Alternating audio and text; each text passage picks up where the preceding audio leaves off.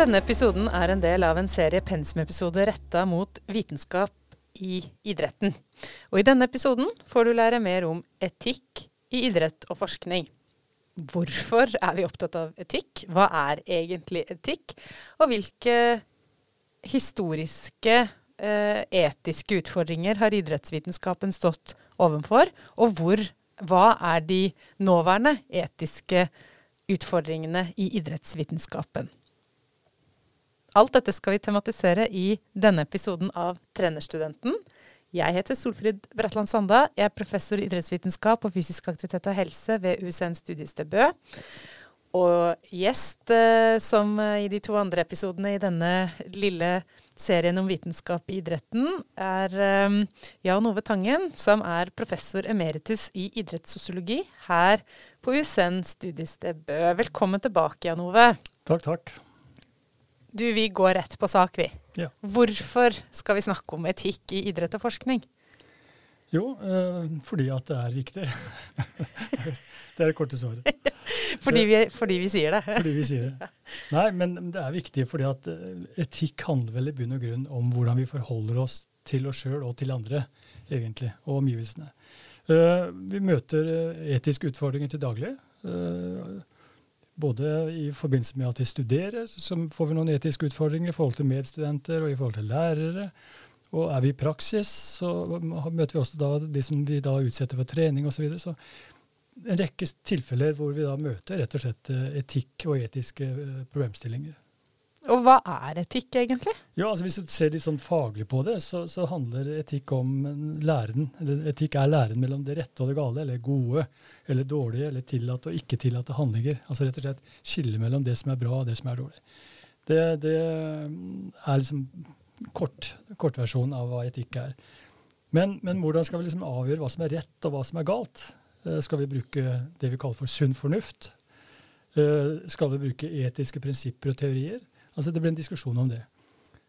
Uh, og Da er det kommet opp uh, noen sånne perspektiver på det. Men la meg understreke allerede nå at, at vi, når vi snakker om etikk og etiske retningslinjer og etiske prinsipper, så er de da definert av hvite europeiske eller hvite vestlige menn. Mm. Og jeg kan tenke meg at Det ville vært interessant å se på hva ville en etikk sett ut hvis det hadde vært kvinner som har vært mye mer inn i den diskusjonen, f.eks., eller fra andre nasjonaliteter, etniske grupperinger.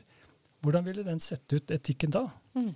Jeg tror nok i bunn og grunn det ville dreie seg om hva som er godt og hva som er dårlig da også, men da ville innholdet i godt og dårlig vært ganske annerledes enn det vi hvite, europeiske, vestlige menn tenker. Ja. Hvite menn som pusher 70.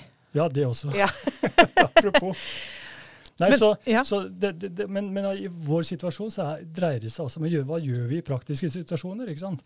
I, i, sosiale relasjoner, i debatter, på skolen, under trening, i kamp og i konkurranse. Altså, det er der vi kan ha nytte av å, å reflektere over hva, hva, hva, er de etiske utfordringene akkurat her. Og det å reflektere over hvordan man bør handle og forstå ulike typer begrunnelser og personer og resultat av handlingen, det, det, er kjempeviktig. Ta f.eks. et eksempel. For eksempel, ja. et eksempel. Norske langrennsløpere de har ofte bedre ski enn konkurrentene. Og de har utrustet seg sjøl med en svær smørebuss. Er det rett eller galt? Det er noe man kan lure på.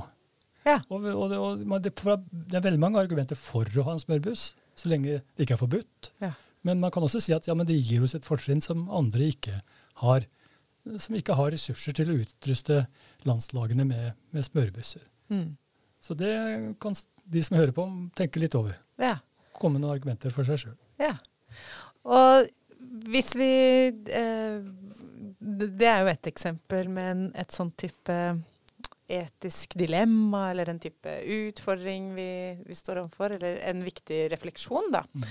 Uh, og så kan vi jo tenke at det også fins i den uh, uorganiserte idretten og i den um, hva skal jeg si uh, egen Knytta til egenorganisert trening og aktivitet.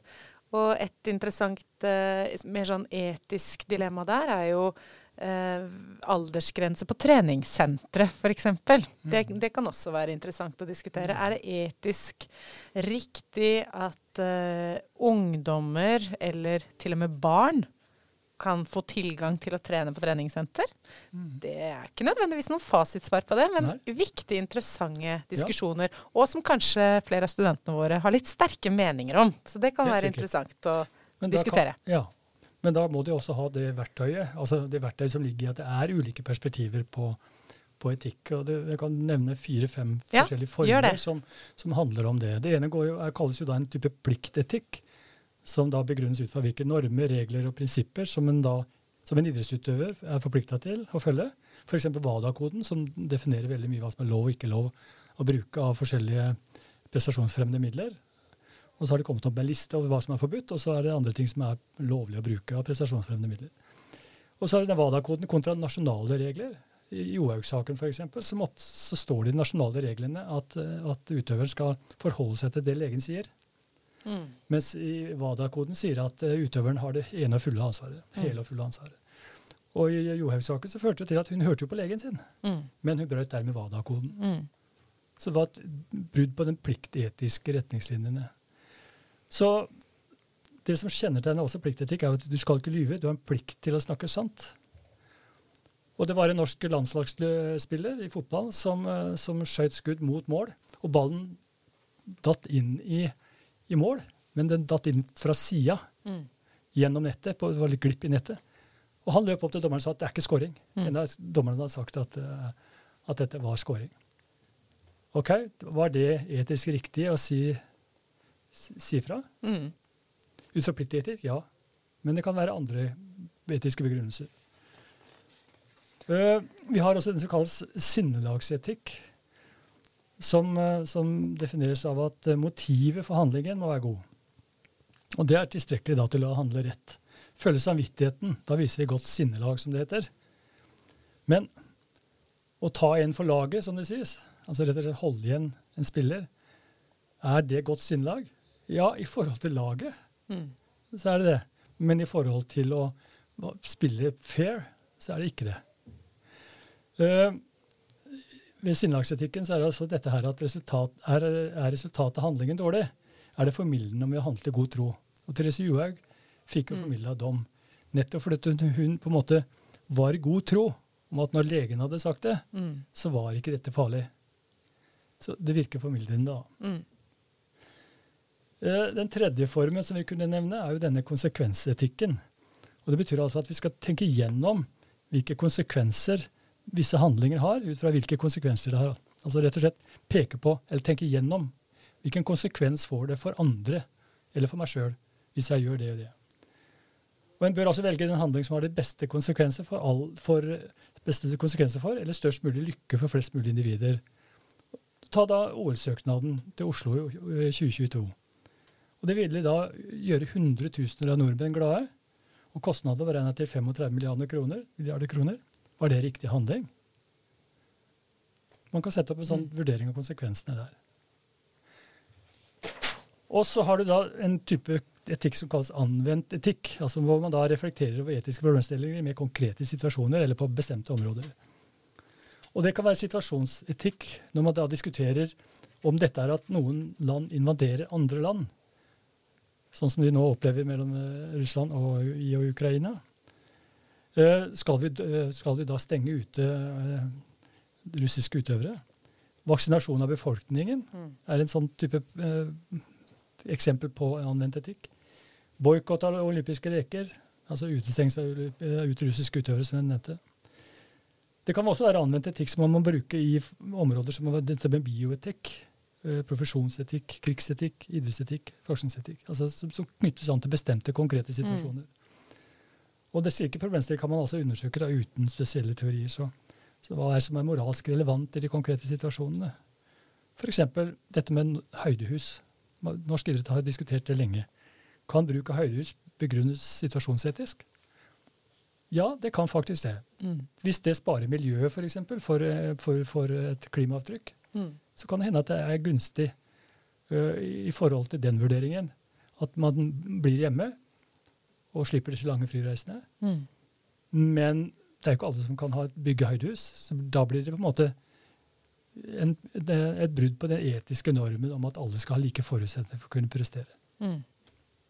Ja, det må veie seg opp mot hverandre. Så dette var disse mm, tre viktige, eh, eller fire viktige eh, etikkformene. Og så kan vi da også diskutere idrettens etikk. Hva, hva, hva er det som setter rammer rundt den som, som, litt spesielt? Og det er jo da hva er idrettens grunnverdier, egentlig? Er det idrettsglede, fellesskap, helse, ærlighet, respekt, demokrati, lojalitet, likeverd, frivillighet? Altså sånn som Norges Idrettsforbund ønsker å framstille det? Eller er det å vinne, bli bedre, sprenge grenser, snu alle steiner for å bli best? Eller human enhancement? Eller det olympiske motto situs altus fortus? Er det det som er grunnverdien? Altså, Man ser at det er to vidt forskjellige verdisett. Mm. Men hvem skal man begrunne en etikk ut fra? Mm. Og du kan også si at, at uh, idrettsetikken er også et slags valg mellom to etiske holdningstyper. Den ene er den såkalte sportmanship, hvor man da, altså da for moro skyld holder på med dette man uh, liker å gjøre, som har med idrett å gjøre. Mm. Fairness, fellesskap, kameratskap. Eller som Parode Coberté skal ha sagt, at det viktigste er ikke å vinne, men å delta. Mm. Eller er det snakk om gamesmanship, altså kunsten å vinne. Ta i bruk alle midler som ikke er forbudt. Ta i bruk tvilsomme metoder for å få en fordel. Det var en amerikansk uh, fotballtrener som heter Henry Russell som sa en gang at å vinne er ikke alt, det er det eneste som teller. Så det har jo altså en sånn type etisk grunnholdning til hvordan man skal opptre på banen, f.eks. Hva er det som dominerer i dagens globale eh, prestasjonsidrett? Det får studentene tenke gjennom. Ja, du, Nå har du jo uh, nevnt noen konkrete eksempler her, Jan Ove, om hva, hvilke etiske utfordringer idretten egentlig står overfor. Uh, kan du ta litt sånn historisk Uh, For det er alltid greit å ha med seg historien. Det har vi jo snakka om i en av de tidligere episodene. For å forstå hvor vi er nå, så må vi skjønne litt hvor vi kom fra. Sånn opp gjennom historien, hva har vært eh, etiske utfordringer eh, i idrettsvitenskapen og i idretten, eh, vil du si? Hvor langt skal vi gå tilbake? Hvor langt tilbake syns du vi bør gå? skal vi ta 8000 år? Eller ja, for eksempel. Ja? Nei, men jeg tror også der, selv så langt tilbake, så, så ligger det en slags mer eller mindre eh, intuitiv oppfatning hva som er riktig å gjøre, hva som er galt å gjøre. Altså, Det å skaffe seg fordeler er ikke oppfatta som riktig. Uh, og man skal prøve å ta utgangspunkt i det som er, er uh, rett. Men, men, det er en fortelling i Iliaden uh, som ble skrevet av Homer for, for, noen eh, hundre år siden, for ikke tusen år siden, som handler om noen, en kappkjøring med hester, og hvor da helten Akilles sneik seg til å kjøre tidlig inn foran de andre, og vant selvfølgelig da den kappkjøringa. Uh, og da han ble kritisert for det etterpå, at han da var ufin, som gikk inn for tidlig, og de andre hestene ble skremt osv. ved hans måte å kjøre på. Så, så sa Akilles at nei, men det var ikke jeg som holdt tømmene, det var Sevs, altså den greske guden. Å mm. oh, ja, OK, men da er det greit. Ja. altså, gudene grep inn, ja. Og da var, den andre, da var utøveren skyldfri, sånn, ja. sånn sett. Og, og det, det, gir jo noen paralleller til en viss fotballkamp i er det 1986. veldig, veldig veldig kjent fotballspiller som uh, snakker om Guds hånd. Mm -hmm. mm. ja, og da i Argentina så ble jo han da uh, anerkjent for det. Altså Man trodde at det var Guds hånd som hadde grepet inn sånn at Argentina skulle vinne den kampen. Mm. Så jeg vet ikke om det hadde gått i dag, men det gikk galt da. Mm. Og i, litt lenger fram i antikken, i forbindelse med de olympiske lekene, så var det også da ganske klare regler for hvordan man skulle konkurrere og opptre. Og det forteller jo også om at, at, at det fantes riktige måter å gjøre det på, og ikke riktige måter å gjøre det på. Og Man hadde jo da engasjert ulike dommere som da var til stede. Man hadde faktisk skrevet ned de fleste viktigste reglene for disse olympiske lekene på en diskos. Den har man funnet etterpå, så man kan tyde disse reglene. Så, så jeg tror det har, har, ligget der ganske lenge. Mm. Dette, det etiske grunnmønsteret om liksom rett galt for å kunne kåre en vinner. Mm. Og Hvis vi går tilbake, ikke så langt tilbake i historien, men mer sånn i vår tid, eller i nyere tid, da. Hvilke etiske utfordringer eh, er det idretten egentlig har stått i? Altså dette Begrepet fair play det oppsto jo i, i, England på slutten av 1700-tallet, begynnelsen av 1800-tallet. på kostskolene. Altså to play fair. Altså gjøre det riktig. Og det var kanskje veldig sterkt knytta opp til denne gentleman-sporten. Altså, mm. Det var jo overklassen da i første rekke som fikk lov å holde på med dette her. Og da skulle vi være på en måte med stil, og med være gentleman, være fair, respekt for den andre osv. Så, så, så det la seg inn der ganske tidlig. Og det ligger jo under hele denne diskusjonen vi har i dag også. Men den ble jo også spesielt utfordra i nyere tid, eller i hvert fall rundt 1930-40, hvor, hvor, det kom en del medikamenter og preparater som, som, som ble brukt innenfor uh, medisin i forbindelse med krig, amfetamin f.eks., anabole steroider, som ble tatt i bruk. Mm. Og det var, var, helt greit, tydeligvis. Og det ble også brukt innenfor idretten etter hvert. Og det var ganske lenge at dette var, var, var, brukt, men det skapte noen problemer utover på 60-tallet. En del dødsfall som man tro, trodde at skyldtes disse dopingpreparatene. Og så ble man da engasjert i å få, få bukt med dette. Mm. Men det var først da på 70-tallet at, at uh, doping ble eller 60-70-tallet at doping ble på en måte forbudt i en viss forstand. Men man hadde ikke nok sanksjoner til å gjennomføre det ordentlig. Så, så det er først da opp mot uh, ja, nå etter jeg ble til WADA i 98, 99, eh, så, så da, først da blei det litt sånn mer eh, verdensomspennende hva slags type regler man skulle følge, følge i forhold til det etiske. Mm. Og vi har jo hatt noen andre episoder i denne podkasten som handler om f.eks. Eh, tilgjengelighet for idrett og, og, jenter og kvinners deltakelse. Mm. Det kan man jo også sånn eh, si at det er jo en etisk utfordring, det å, å At en arena er såpass ekskluderende mm. for en stor gruppe av befolkningen. Mm. Og der eh, Det er jo fortsatt et, en etisk utfordring den dag i dag. At ja. uh, det er en arena som det, Man snakker om idrett for alle, men uh, det er det på mange måter ikke. Og det er, det er for mange da, som ikke blir inkludert. Uh, selv om det også foregår veldig mye bra. Og det er noe med å, å hele tida tenke etter ja, og hvorfor har det blitt sånn. Der har jo du nå kommet med noen viktige etiske perspektiver på ja, hvordan kan vi forstå hvorfor det ble slik. Hvilke argumenter og perspektiver har man brukt? Og da kommer man jo kanskje til eh, ulike svar også mm. på ja, er det riktig å inkludere, er det riktig å ekskludere. Når man da snakker om rettigheter, så bruker man ofte en sånn pliktetikk. Altså, mm. Det står i regelverket, eller norsk lov, at uh, kvinner og menn og etnisiteter skal være likeverdige. Altså Menneskerettighetene er nedfelt mm. som en grunnform.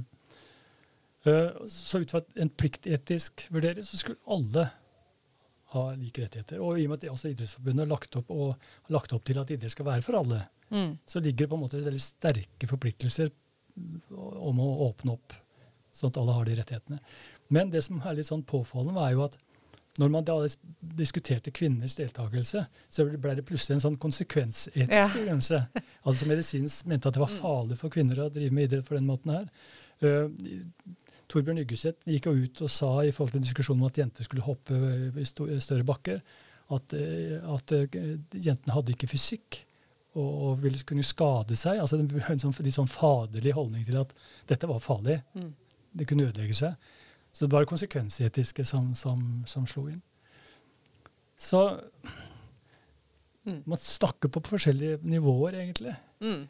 Uh, diskusjon mellom, uh, mellom Ja, det, det, er en annen diskusjon, men, men, det var en diskusjon på, på 90-tallet mellom uh, Vebjørn Rodal, mm. som tok da olympisk mm. gullmedalje i 96, og Bjørn Dæhlie. De så veldig forskjellig på høydehus. Og det var helt tydelig. Den ene sa at ja, men det er ikke forbudt. Mm. Altså, det skulle bør være lov. Ja, men konsekvensen er at det, det bryter ned på en måte idrettens verdier, mm. sa Rodal. Så, men i forhold til den der ulikhetsdiskusjonen, så er det utrolig å, se hvordan man da diskuterer mm. ut, ut, fra forskjellige perspektiver på hva som er rett og galt. Mm.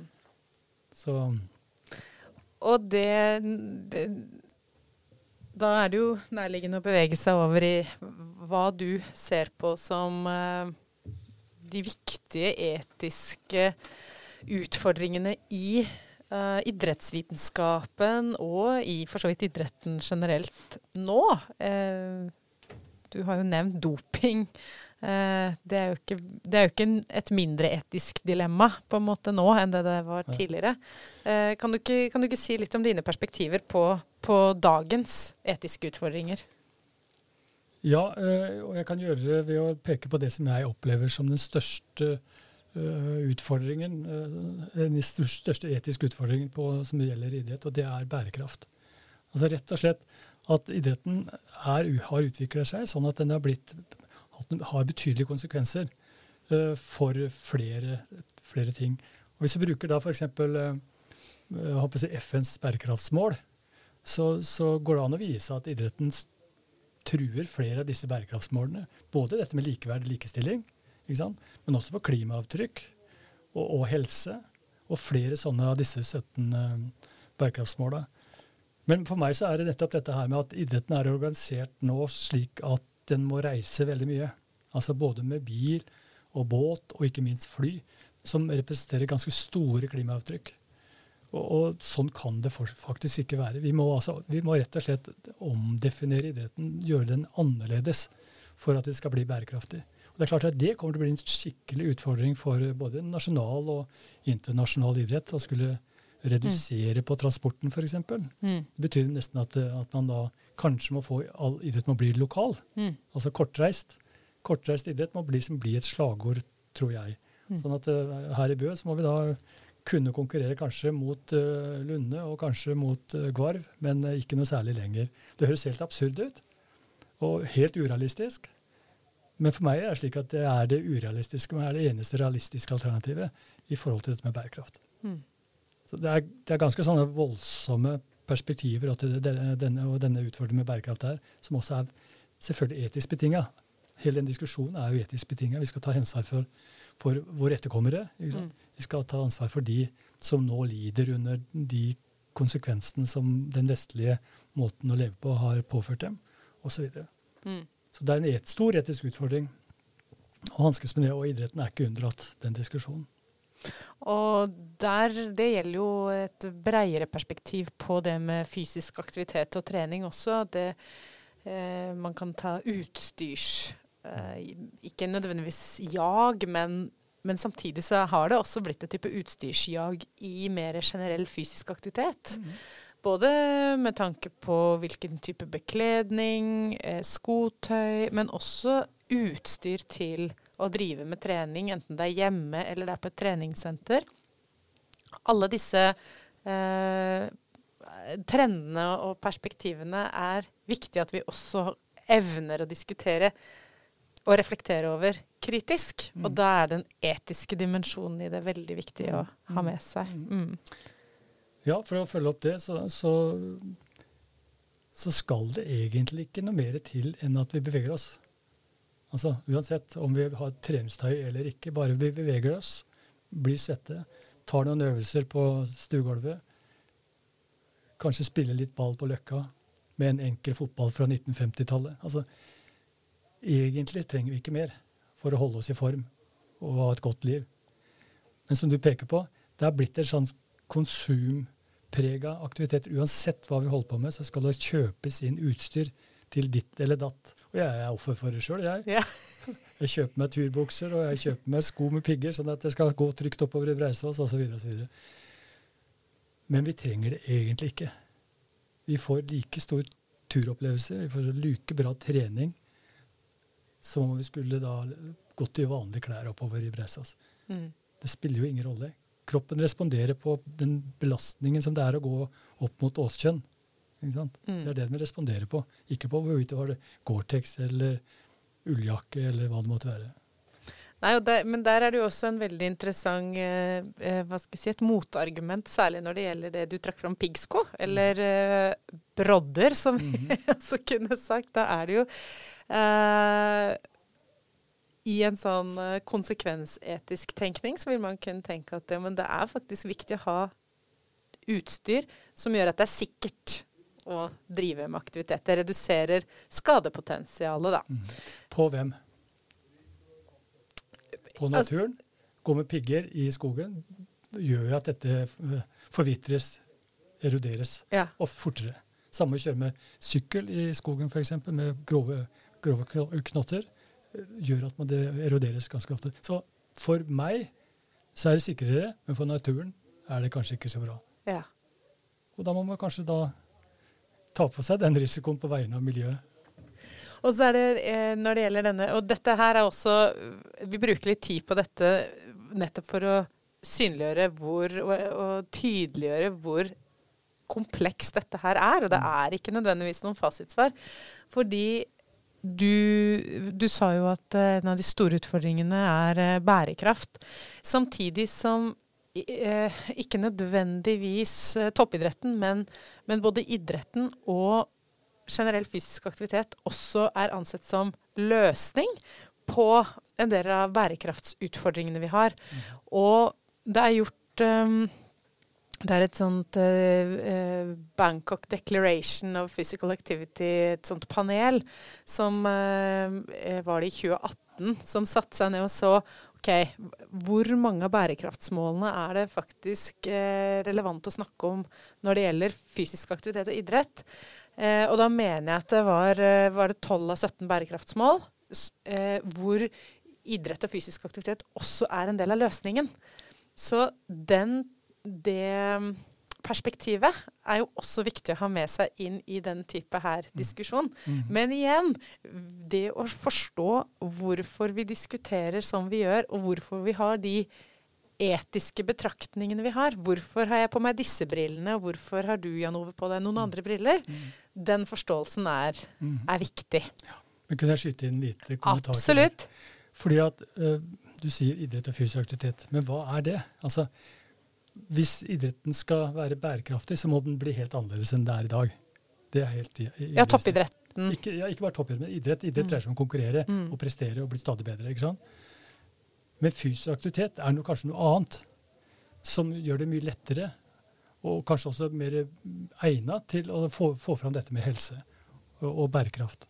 Så, så, hvis man blander sammen de to, eller liksom later som om mm. idrett er mer sånn generell fysisk aktivitet, så gjør man en grå bommert, etter min mening. Mm. Så man må ikke lempe dette opp i samme sekken og trekke samme konklusjoner for begge formene. For det er to vidt forskjellige mm. former for bevegelse, etter min mening. Mm. Så der må vi forskere være mye mer presise når vi snakker og når vi diskuterer, slik at også folk lærer seg å, å se forskjellen på idrett på den ene siden og fysisk aktivitet på den andre siden. Mm. For hvis vi nå endrer idretten sånn som jeg foreslår, back to basics, så blir det jo veldig mye i nærheten av fysisk aktivitet, sånn som man kan oppfatte det ellers. Så løpe er noe annet når det foregår på en idrettsbane, enn om det går, foregår i skogen f.eks. Mm. Selv om effekten kanskje på fysiologisk sett er det samme for individet, så er den veldig forskjellig for, for miljøet. Mm. Så det er den differensieringen jeg håper vi kan prøve å understreke. Mm. Hvis vi tar en sånn, før vi avrunder, tar en sånn kjapp oppsummering av disse eh, fire eh, hva skal jeg si, formene for etikk. Eh, for nå har vi snakka såpass lenge at studentene fort kan Oi, hva var de fire igjen? Mm. Hvis vi tar en kjapp oppdatering, så var, oppsummering, så var det eh, Du har snakka, Janove, om pliktetikk. Yes. Du har snakka om sinnelagsetikk. Du har snakka om konsekvensetikk, og du har snakka om anvendt etikk. Mm. Og du har også vist at ved å bruke disse ulike formene for uh, etiske tilnærminger, så kan du faktisk ende opp med helt ulike svar på et spørsmål. Mm. Rent konkret, er det lov, eller skal man bruke høydehus, eller mm. skal man ha smørebuss, eller mm. ja. Eh, og avhengig av hvilken inngang man har, så kan man faktisk få ulike svar. Og det er også en viktig forståelse når vi møter uh, og diskuterer uh, fag med personer som kanskje spesielt de som er uenige med oss. Mm. Det å forstå hvorfor er dere uenige uh, med meg nå. Mm. Det å, å, å, forstå at ja, men kanskje vi ser på dette med helt ulike etiske briller. Yes. Da har da har vi kommet langt. Ja, da har vi kommet langt. Og hvis vi klarer å bruke da, disse fire begrepene når vi analyserer kommunikasjon og diskusjon, og også når vi skal prøve å begrunne At man hele tiden har bevisst at å ja, nå argumenterer jeg pliktetisk, eller nå argumenterer jeg konsekvensetisk. Mm. Så bare det å ha disse fire som en slags type verktøy for å avdekke ulike sider ved, ved denne diskusjonen, og, eller disse situasjonene som oppstår, så, så har man kommet ganske godt stykke på vei til å forstå, og kunne også bidra til, en mye mer eh, opplysende diskusjon mm. oss imellom, og mellom studenter og ellers. Det syns jeg var eh, en fin avslutning, Jan Ove. Tusen takk skal du ha for at du kom hit, og takk til dere som lytta.